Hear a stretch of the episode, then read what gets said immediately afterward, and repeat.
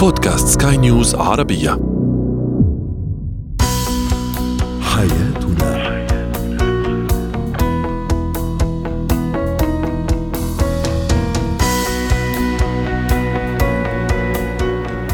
مستمعينا الكرام أهلا بكم معنا إلى حياتنا فضاؤكم اليومي الذي يعنى بشؤون الأسرة وباقي الشؤون الحياتية الأخرى والذي يمكنكم الاستماع إليه. عبر منصة سكاي نيوز عربية dot com slash podcast وباقي منصات سكاي نيوز العربية الأخرى. شاركونا عبر رقم الواتساب 00971 561 ثمانية ثمانية ستة اثنان اثنان ثلاثة. معي أنا آمال شاب؟ اليوم نتحدث عن المرونة في الحياة الزوجية. ماذا يعني مرونة بين الزوجين في الحياة الزوجية؟ كيف يكون ذلك؟ ما هي حدودها أيضا؟ في زينة الحياة سنتعرف اليوم على الطريقة المثلى للتعامل مع الطفل المبتز عاطفيا الذي يبتز أهله. بشكل عاطفي أو عاطفيا. وأخيرا لماذا يفشل البعض في تكوين صداقات؟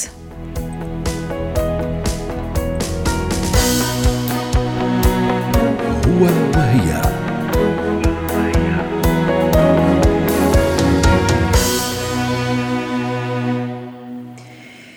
هي المرونة؟ ماذا يقصد بالمرونة؟ كيف نتعامل مع الزوج بمرونة حتى لا تتفاقم المشاكل والخلافات؟ أيضا كيف نتعامل مع الزوجة بذات المرونة؟ ما هي حدودها أيضا؟ دعونا نتعرف على تفاصيل هذا الموضوع مع الدكتورة كارين إيليا الاستشارية النفسية والأسرية ضيفتنا العزيزة من بيروت يسعد أوقاتك دكتورة كارين كان هذا سؤالنا التفاعلي في الحقيقة إلى أي درجة تجد أن شريكك مرن بشكل يعني يكفي أو كافي لاحتواء المشاكل والخلافات الزوجية. إذا كان هذا سؤالنا التفاعلي. في تعليقات أسامة يقول الحمد لله ما فيش خلافات بسبب رزانة عقلها وأدبها وفهمها للأمور. الحمد لله شيء رائع وجميل. تعليق نور تقول للأسف ماكو أي تفاهم حتى نتجاوز أو بشكل خلينا نتجاوز الخلافات. وأخيرا تعليق يقول أنا وزوجي نفتقر للمرونة اللازمة وحياتنا كلها شد وجذب. دكتورة كريم ماذا نقصد بالمرونة؟ صحيح وقت نقول وقت نقول المرونة المرونة النفسية والمرونة العصبية هون عم نحكي عن عنصرين كثير أساسية. اولا بدنا نكون نحن مرنين بالعلاقة بدنا ننسى شيء اسمه أنا دائما على حق. والنقطة الثانية اللي هي كمان أساسية أعرف how to let go أعرف كيف مرق الأمور والمواقف. وقت يكون عندي هيدي النقطتين بال, بال بالعلاقة مع الآخر أنا هون بكون آه عندي صفات من المرونة. وفي شغلة كثير مهمة لازم ينتبهوا لها المستمعين. وقت أحكي عن مرونة أنا عم بحكي عن فعل آه عن فعل مدرك كونشس يعني أنا بدي أكون واعي للقرارات اللي بدي اخذها باتجاه التعامل بمرونة مع شريكي ومع الآخرين يلي حولي. وبس نحكي عن المرونة بالعلاقة نحن فينا عم نحكي عن اتجاهين. الاتجاه الأول هو المرونة يلي ممكن نشوفها عند الشريكين أو أحيانا غياب المرونة عند أحد الطرفين. وقت تكون ما في مرونة مثل آخر مثل آخر مستمعة وقت قالت شد حبال. هون يعني من الطرفين ما عندنا مرونة. كل شخص متمسك بقواعده متمسك بحلقة الأمان ودائرة الراحة تبعه وما عم يفتح مجال للآخر إنه يخرقه. هون صعوبة المرونة إنه نقدر آه نتوصل لحل لأنه كل طرف من الطرفين بيقول أنا عندي آه عندي صعوبة إني أفتح على الآخر خلي الآخر يفتح. لأنه عكس المرونة هي الريجيديتي أو القساوة. صحيح. أو القساوة. نعم. وهيدي القساوة يلي ممكن نشوفها هي يلي بتخلق العرقلات وبتخلق عدم الانفتاح بتخلق الصعوبة بالتغيير آه مشاكل بالتكيف عدم القدرة على إعطاء فرص جديدة. لأنه خلص أنا قاعد بالحلقة تبعي وما حدا يخرقني.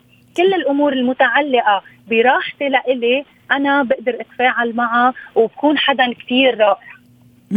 دكتورة كريم هذا المرونة اللي حضرتك حكيتي عنها المرونة النفسية هل هي يعني موجودة أنا في, في طبعي ولا لا؟ ممكن نشتغل عليها. يعني هذا الشخص اللي يقال عنه مرن هل هذا المرونة يعني؟ لأنه هي جزء من طبعه هي جزء من شخصيته. وإذا كان الأمر لا كيف أنا أشتغل عليها حتى أكون مرنة بما يكفي حتى أتجاوز خلافاتي مع الشريك أو مع الشريكة؟ صحيح. مثل ما دائما بنقول في عنا عند الأشخاص الطباع والشخصية سمات الشخصية والتفاصيل يلي بتكونه. في بعض الأشخاص من هن وصغار الطريقة اللي بيتربوا فيها الأسلوب الحياة الطريقة اللي بيتعلموا كيفية مواجهة العالم كيفية حلول مشاكلهم الشخصية وغيرها تخلق عندهم شكل من أشكال المرونة بطباعهم وهون أكيد الأرضية تبع شخصيتهم بتساعد. بنلاقيهم أشخاص أهين من غيرهم بنلاقيهم بيمشوا مع التيار ما عندهم مشكلة. في أشخاص ثانيين كمان تربيتهم شخصيتهم طباعهم آه، اختباراتهم الحياتية وغيرها آه، بتعطيهم هال هالمساحة من القساوة القساوة النفسية وال وال والتمسك بحدود الأشياء وصعوبة بالتكيف وغيرها. هيدي الأمور بنقدر نحققها وهيدي الأمور آه شو ما كانت موجودة بطبعنا بس نكبر بتكتر. بمعنى إذا أنا كان عندي مرونة أو تربيت على منطق المرونة من أنا وصغير بس أكبر بصير عندي تساهل أكبر مع الآخرين والعكس صحيح بموضوع القساوة آه وغيرها. لهالسبب أنا بقدر كون مرن أو قاسي مع شريكي ولكن بنفس الوقت أنا بكون مع الآخرين.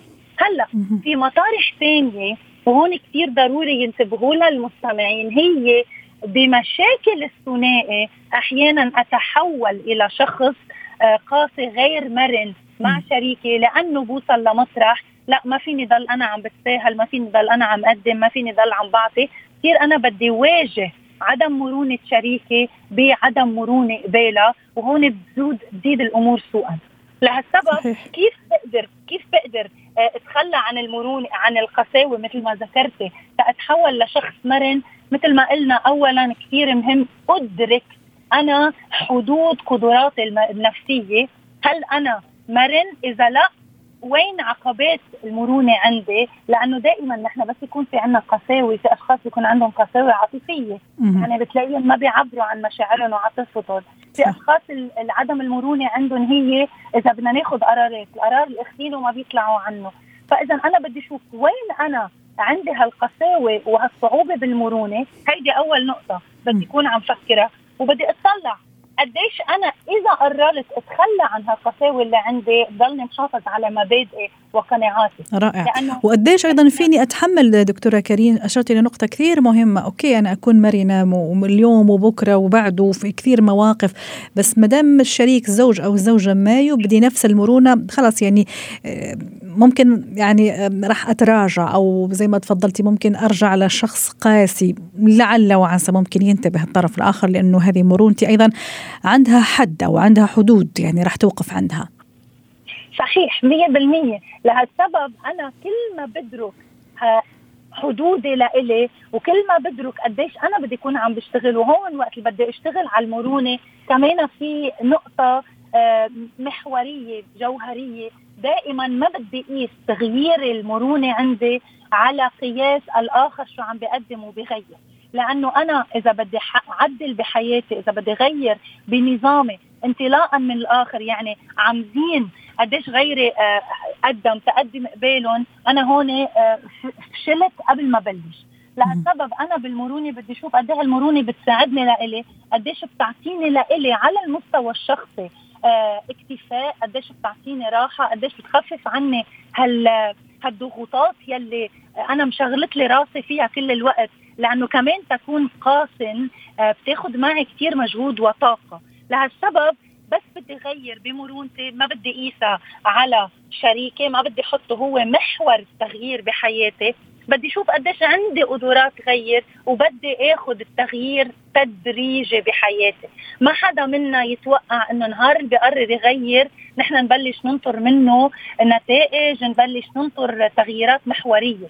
لأنه دائما وبنقولها دائما ببرنامجي التغيير شغلة كثير بتخض صاحبها أوقات كثير بتاخذ وقت وأحيانا كثير أنا بس غير أشياء فيي وأرجع أعمل قراءة. برجع أحيانا بخاف من اللي غيرته. برجع لدفاعاتي القديمة وبدي أتمسك فيها. لهالسبب باخذ وقت لحتى آه، أدرك الغلط أدرك الحاجة للتغيير أشتغل على التغيير استوعبه وأفهم أهمية آه، أنا اللي عم بعمله بالنسبة لإلي. هيدي كلها إيجال مرونة. شكرا لك دكتورة كريم إيليا المستشارة النفسية والأسرية ضيفتنا العزيزة من بيروت. الحياة.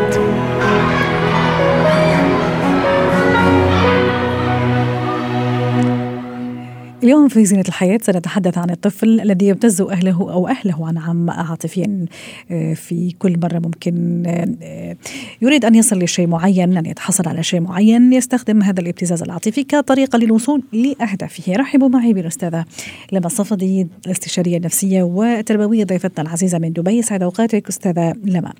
هلا الأطفال إحنا عارفين يعني ومتأكدين أنهم أذكياء ولهم من الذكاء يعني ما يخليهم دائما يعرفوا الأمور اللي عم تصير حواليهم يعرفوا نقاط ضعف ممكن حتى الأهل الأب الأم. وفعلا أحيانا يدخلوا من خلال هذه الثغرات ويبتزوا الأهل عاطفيا. صحيح. أستاذة لما ما تعرف إنه طفلي أحيانا ما أعرف إنه عم يبتزني عاطفيا ممكن يعني ارضخ لدموع وارضخ ممكن لتوسلاته لأنه ولدي في النهاية يعني طفل صغير ما يعرف لكن لا أحيانا يكون هو فعلا عم يستغل آه، ضعفي حبي الكبير ليه ويبتدي يعني يمارس هذا النوع من الابتزاز العاطفي طبعا البريء في النهاية لكن يجب أن أنتبه لهذا الموضوع حتى أضع له حد. صحيح. اولا هون لازم نميز ما بين الحاجة والحقيقة. يعني ما بين إنه هو فعلا عفوا الحاجة والوهم. ما بين إنه هو فعلا طفل محتاج. يعني أحيانا بنشوف الأطفال كثير بحبوا يضموا الأم يقبلوها الأب. دائما بحبوا وجود الأهل حدهم. إذا اللي بيشتغلوا وقت طويل بنشوفه بيبكي لأنه هو حابب إنه يضلوا معه. هي حاجة. حاجة عاطفية الحاجة إلى الأمان الحاجة إلى الحب. إحساس الطفل بأنه الأهل غايبين كل اليوم. فلما يكونوا في البيت بحب يكونوا جنبه يتركوا كل شيء ومعه. أحيانا بصير يطلب طلبات ولكن هي الطلبات نتيجة تعبير لا شعوري عن حاجته بأنه أنا محتاجكم أنتم غايبين. فبصير بده يتعشى ديليفري مرتين من برا البيت بصير بده ألعاب هو ما بياخذها ولكن هي بالنسبة له حاجة مفقودة. يعني عنده حاجة للأمان والحب وغير موجودة. الجهه في جهة أخرى منها اللي هي نتيجة الظروف نحن بنشوف اليوم تحديدا كان عندي حالة مطابقة للموضوع حالة انفصال ما بين الوالدين. الطفل دائما بيطلب هدايا ألعاب ما في شيء بيرضيه. دائما بيستخدم الابتزاز العاطفي. طبعا هو تعبير عن غضبه. يعني هو بيشعر بالوحدة فجأة الأب ترك البيت انفصلت الأم والأب. ما عنده تبرير ليش هم اتطلقوا شو يعني بعد زوجين صاروا أصدقاء؟ ما بيستوعب. فهو بيروح لمفهوم بإنه هو بيطلب منهم أشياء فقط بتجمعهم مع بعض بتخليهم بتخليهم يتناسوا مشاكلهم بالرغم إنه هو حتى الألعاب الأم أحد الكلمات اللي قالت لي اليوم إنه هو ما بيلعب ألعابه بيطلب الأكل من برا بس ما بياكله. بنروح آه مشاوير بس هو مش مبسوط. فبالتالي هو تعبير لا شعوري عند الطفل عن الحزن. نجي لمفهوم الابتزاز العاطفي اللي هو عن سبق نية وترصد اللي بيكون أحيانا آه نتيجة الدلال المفرط. يعني نحن بيكون بعد كذا بنت إجانا ولد فمندلله ما بنرفض له طلب. بعد عدة سنوات من عدم الإنجاب في طفلة وصلت أو طفل. يعني بحالات اللي هو هو حاسس إلى أي مدى صح. هو مهم بهالعيلة.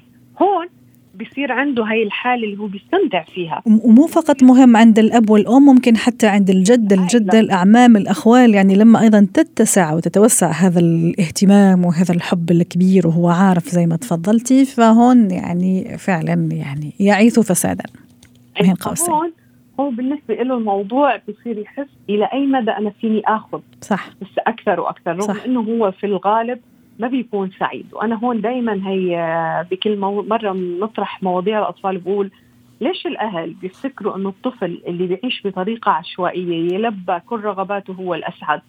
الطفل بحب القوانين وبحب النظام. يعني الطفل لما بيتعود إنه ينام بساعة معينة أنتوا عم بتريحوا الجملة العصبية عنده. لما الطفل بيعرف بأنه في قوانين لما بيشتري لعبة وهو بيحصل عليها بيستمتع فيها. وبالتالي بالعكس أحيانا القوانين اللي هي طبعا ما بنحكي عن قوانين قاسية ولكن قوانين بتنظم حياة الطفل. نحن الكبار لو كان يومنا عشوائي ممكن يكون يوم ما في معنى. صح. لكن أنا لو كان يومي منظم أنا بشعر بالسعادة لأني أنا أنجزت. تنجزين صحيح. يوم استراحة فأنا بكون سعيدة فيه.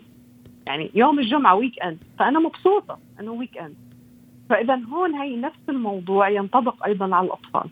100% الطفل تماما. الطفل اللي أحيانا يستمر بالابتزاز العاطفي آه طبيعي لو الأهل اليوم في كثير أهل هلا عم يسألوا هالسؤال أنا متأكدة. طيب نحن جربنا نوقفه انقلب الموضوع بعدائي وعنف. هذا الموضوع يحصل لأنه نحن لما بعد فترة طويلة هو تعود على كل شيء نعم نعم نعم.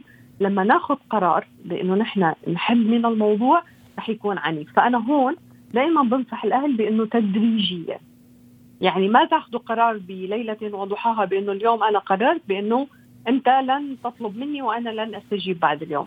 المفروض الموضوع يكون آه، تدريجيا.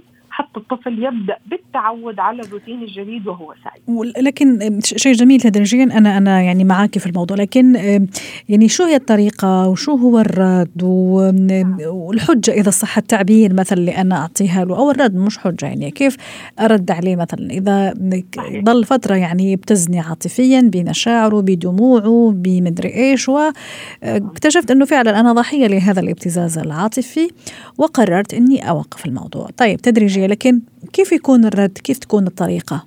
تماما. أول نقطة محاكاة العقل. يعني أنا اليوم آه، فكر وهذا الشيء اللي كنت اليوم مثلا عم نحكيه بقصص الطلاق اللي هي كثير بتلامس كثير أشخاص بأنه أنت لو عندك إحساس الضمير تجاه بنتك فبدك تعوضيها لأنه أنا انفصلت عن زوجي هذا غلط. بالعكس كوني مع أنت أم طبيعية بروتين الحياة الطبيعي فهي بتكون أسلم نفسيا. لأنه في نقطة كثير مهمة هون. التعويض المادي لا آه، لا يمكن أن يكون تعويض عاطفي. صح. يعني أنا لو اشتريت لها هدايا هذا لا يعني إنه هي مش فاقده ابوها صح. أو العكس صحيح هي مش فاقده وممكن أحيانا أنت آه، أشرتي نقطة أو أثرتي نقطة كثير مهمة أستاذة. لما أحيانا الاهل هم اللي يزيدوا فيها شوي عرفتي؟ ممكن الولد مش منتبه لكن مش منتبه. أنا لما أعطي هذا الزياده over اهتمام و over يعني آه، عطى خلينا نقول وأبرر لأنه ممكن أنا منفصلة عن الأب أو لأنه أنا مقصرة في جانب من الجوانب ممكن هون الابن فعلا رح ينتبه ويستغل هذه الثغرة. تماما. فهو رح يتعود يعيش كل حياته كل احتياج عاطفي يقابله احتياج مادي. فبروح بيتزوج زوجة يكون عندها إرث مادي وبعيش على هذا الإرث. بيروح بيتعامل مع زوجته على أساس إنه أنا أعطيتك مصروفك ألف درهم فأنت عذرا على الكلمة لازم تشتغلي عندي وكأنك مساعدة في البيت ولست زوجة. اذا أنا هون لما بربي طفل لازم حتى يكون عندي على المدى البعيد هو لوين رايح. بهذا الأسلوب اللي أنا اليوم بشتغلته. من أحد الأساليب بالابتزاز العاطفي بأنه أنا لما هو بيجي يبكي أو عنده دموع تجاه احتياج آه، مادي وأنا عارفة إنه هو فعلا حاليا بمرحلة شبح وعارفة إنه هو حاليا مثلا ما عنده هالحاجة للأكل وهو مصر وما عنده مبرر. ومعلش بس أحيانا آه، تفضلي. بس أكمل الفكرة. تفضلي. فأنا هون لابد إني آه، أشغله بموضوع. يعني الأطفال كثير سهل الهائهم بدل ما هو ياخذني لموضوعه دخل موضوع ثاني. يعني اعطي مثال واقعي. هو خلص تناول وجبه العشاء وبحالة شبع كاملة. مصر إنه يطلب ديليفري وهي الحالات أنا اعطيكي قصص واقعية. هون بهي الحاله بيشغلوا ومدى الشيء النفسي أو العاطفي آه، أستاذة لما أحيانا أيضا بتحسي إنه كمان over شوي يعني آه، عرفتي كيف؟ إنه خلص أخذ احتياجاته العاطفية زي ما تفضلتي ممكن أحضان ممكن جلسة فيها هيك يعني يعني تبادل الأفكار والآراء. وخلص يعني خلصنا. لكن أحيانا بتحسي إنه فعلا عم يبتزك. إنه مثلا ماما أنا خايف ماما أنا مدري إيش. فالعاطفة العاطفه يعني هون. هل ممكن كمان ممكن يعني أصير أقول إنه ستوب خلاص زي ما عم ياخذ الأشياء المادية أنا كمان أعمل يعني حد فاصل وعم نختم. هون أول شيء لازم أسأل نفسي سؤال واحد بإنه هل أنا كان غيابي عنه فترة طويلة من اليوم؟ م. فأنا فعلا هذا الطفل هو فعلا يعني فاقد لي. فعلا هو محتاج وجودي حتى لو أنا بسمعه بنفس الغرفة. فهون ميز. يعني أحيانا الأهل بيشتغلوا كل اليوم. بيرجعوا فهو يعني انت بتقولي طيب أنا مثلا أمنت العشاء جلست معهم تحاورت خلص يعني. لا هون إذا كان في غياب طويل فهو في عنده مشاعر. انه هذا الاحتياج العاطفي هو مكتفى جميل. تحجج أحيانا بالظلام تحجج ليكون جنبك. لا مم. أنا مع إنه أنا ضد سياسة القمع العاطفي لأنه العاطفة هي اللي بتخلينا مستقرين بالحياة. شكرا لك أستاذة لما صفدي المستشارة التربوية والأسرية ضيفتنا العزيزة من دبي يعطيك العافية. مهارات حياة.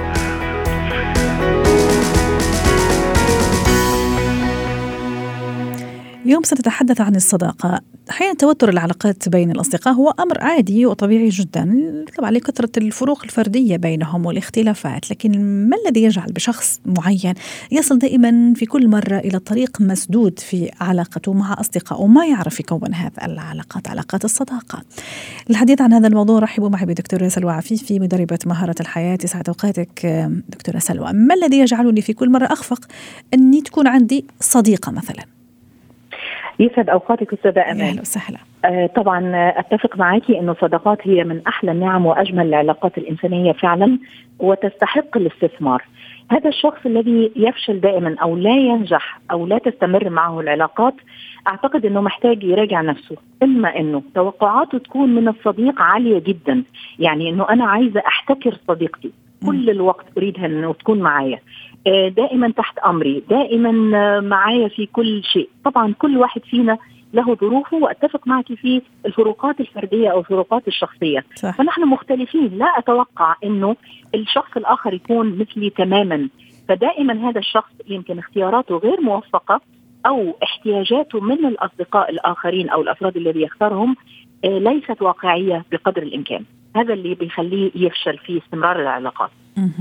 رائع وممكن أحيانا ما أعرف يعني كمان عم فكر بصوت عالي ممكن أحيانا يعني الفكرة المسبقة مثلا إنه هذا الزمن ما فيش صداقة والمدري إيش نعم. وزمن الغدر وما فيش صديق نعم. يعني صدوق وما فيش صديقة الصدوق هل فعلا يعني لما أدخل أنا بهذا الفكرة وبهذا فعلا هذه راح تكون من بين أسباب إني أخفق فعلا إني أكون صداقات أنا معك أتفق معك إحنا دايما بنقول إنه في التواصل أو حتى في بناء الصداقات دائما يكون عندي في ابروتش يعني ابروتش أو منهجية أو إقدام. لازم يكون عندي حسن النية إني أنا فعلا أحسن النية. في ناس فعلا تكتفي بالصداقات القديمة وتخاف من إنشاء صداقات جديدة. يمكن لاختلاف المصالح لاختلاف الظروف إنما بالعكس خلينا نفترض إنه لا زال الدنيا فيها خير ولا زال في آه، أناس جيدين وناس ممكن إنه نكسبهم فعلا في حياتنا وياما حنقابل لسه. فهذا الشخص إذا داخل بتخوف أكيد هذا التخوف حيبان بالنسبة في سلوكي على الأقل إني أنا مثلا أكون متحفظة معك أو لا أكون صريحة أو ترانسبيرنت أو يعني في شفافية في العلاقة. فأكيد هذا لا لن يوصل إلى طريق آه، يعني مفتوح. صحيح صحيح. طيب دكتورة سلوى إذا فعلا أنا حابة أكون هذه الصداقات ما هي المهارات اللي ممكن لازم تكون عندي حتى فعلا أدخل في صداقة؟ يعني طويلة وزي ما تفضلتي أستثمر فيها فعلا لأنه في النهاية يعني آه، الواحد محتاج أنه يكونوا عنده أصدقاء صدوقين في حياته طبعا مش بكثرتهم لكن بأهميتهم وب يعني قربهم مننا ونلاقيهم لما نحتاجهم آه، وما إلى ذلك. أول شيء مهارات التواصل مهارات الاستماع. مهارات الأناقة والجمال والشياكة في التعامل. القدرة على التسامح أيضا. الفكر الراقي والفكر المتفتح تقبل الرأي والرأي الآخر. آه، المساحة يعني إنه أنا يعني أحافظ على المسافات بيننا. الاعتذار عند الغلط تقول طيبة طيبة تدخلت بقوة. تقول الاعتذار عند الخطأ. الاعتذار الاعتذار ثقافة ثقافة مهمة جدا إنه يكون عندنا ثقافة الاعتذار. ليس خطأ ابدا إنه أنا أقول لك أنا فعلا أعتذر عن ما صدر مني كذا كذا كذا. أنا بصفي الأمور. بالعكس الناس اللي تقول إيه خلاص بطلنا نعاتب. لا بطلنا نعاتب على فكرة ممكن يكون في شخص شايل شوية في نفسه الاعتذار وعلى الشخص الآخر إنه خلاص يعني يقبل الاعتذار. لا يعني أنت جيتي اعتذرتي لي. لا أنت عملتي كذا وكذا وكذا وكذا. لا صح. خلاص. اعتذرتي. بس هنا العبرة في الاعتذار إنه لا أكرر هذا الفعل مرة ثانية. صحيح. عشان حتى اللي قدامي لا يمل مني أو أفقد مصداقيتي عنده. فطبعا مرة ثانية مهارات التواصل مهارات التسامح كمان مهمة جدا. صح. إنه يعني نفوت خلاص نكبر أحيانا. وهي بتيجي أصلا من موضوع التوقعات. أنا توقعاتي عالية جدا منك. طبعا إذا في شيء فلت منك أكيد أنا سأحبط. فهي يعني خلينا نكون واقعيين ولازم يكون عندنا القدرة على العطاء. العطاء قبل يعني فعلا العطاء قبل الأخذ. وأنا راح أضيف لك نقطة ما أعرف إذا توافقيني فيها أيضا آه، اللي هو آه، إتقان فن المسافات يعني حتى وإن كانت صديقتي. لكن يعني في مسافة معينة راح أقترب في في وقت معين وأبتعد شوي في وقت معين ممكن حتى أختفي في وقت معين. والطرف الآخر اللي هو هذه الصديقة أو هذا الصديق راح يفهم هو الآخر هذه المهارة ويقدرها ويعرف أنه اقترابي وبعدي يعني مش لأنه في مصلحة بس. يعني هذه طبيعة العلاقات الإنسانية يعني. طبعا لازم يكون المحافظة على المسافات فعلا الخصوصيات عدم التدخل. تعرفي أحيانا نكون قاعدين فعلا ما بنعملش حاجة ممكن أكون ماسكة الموبايل بس. م. حد يشوفني على الفيسبوك يبعت لي message أو يتصل بيا. لا أنا على فكرة محتاجة أقعد مع نفسي.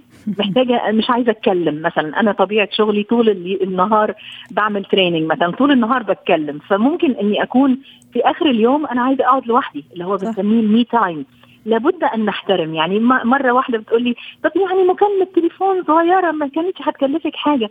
لأنه أنا فعلا في فترة معينة محتاجة أبعد شوية. صح. لابد أن نحترم هذه المسافات وهذه الخصوصيات وحتى إن عاتبنا أو يعني قلنا على ملاحظة نقولها يعني بس من باب العشم أو من باب المحافظة على هذه العلاقة. صحيح. آه وحتى ما فيش فرق مين فينا اللي يسأل. بالعكس نسأل على بعض أما إذا أنا قلت لي مثلا سلوى بليز خليني بس شوية فترة. أنا بمر بأمور معينة محتاجة أخذ قرارات في حياتي محتاجة هدنة لابد أن أحترم ذلك. شكرا لك دكتورة سلوى عفيفي ضيفتنا العزيزة من القاهرة مدربة مهارات الحياة يعطيك ألف عافية.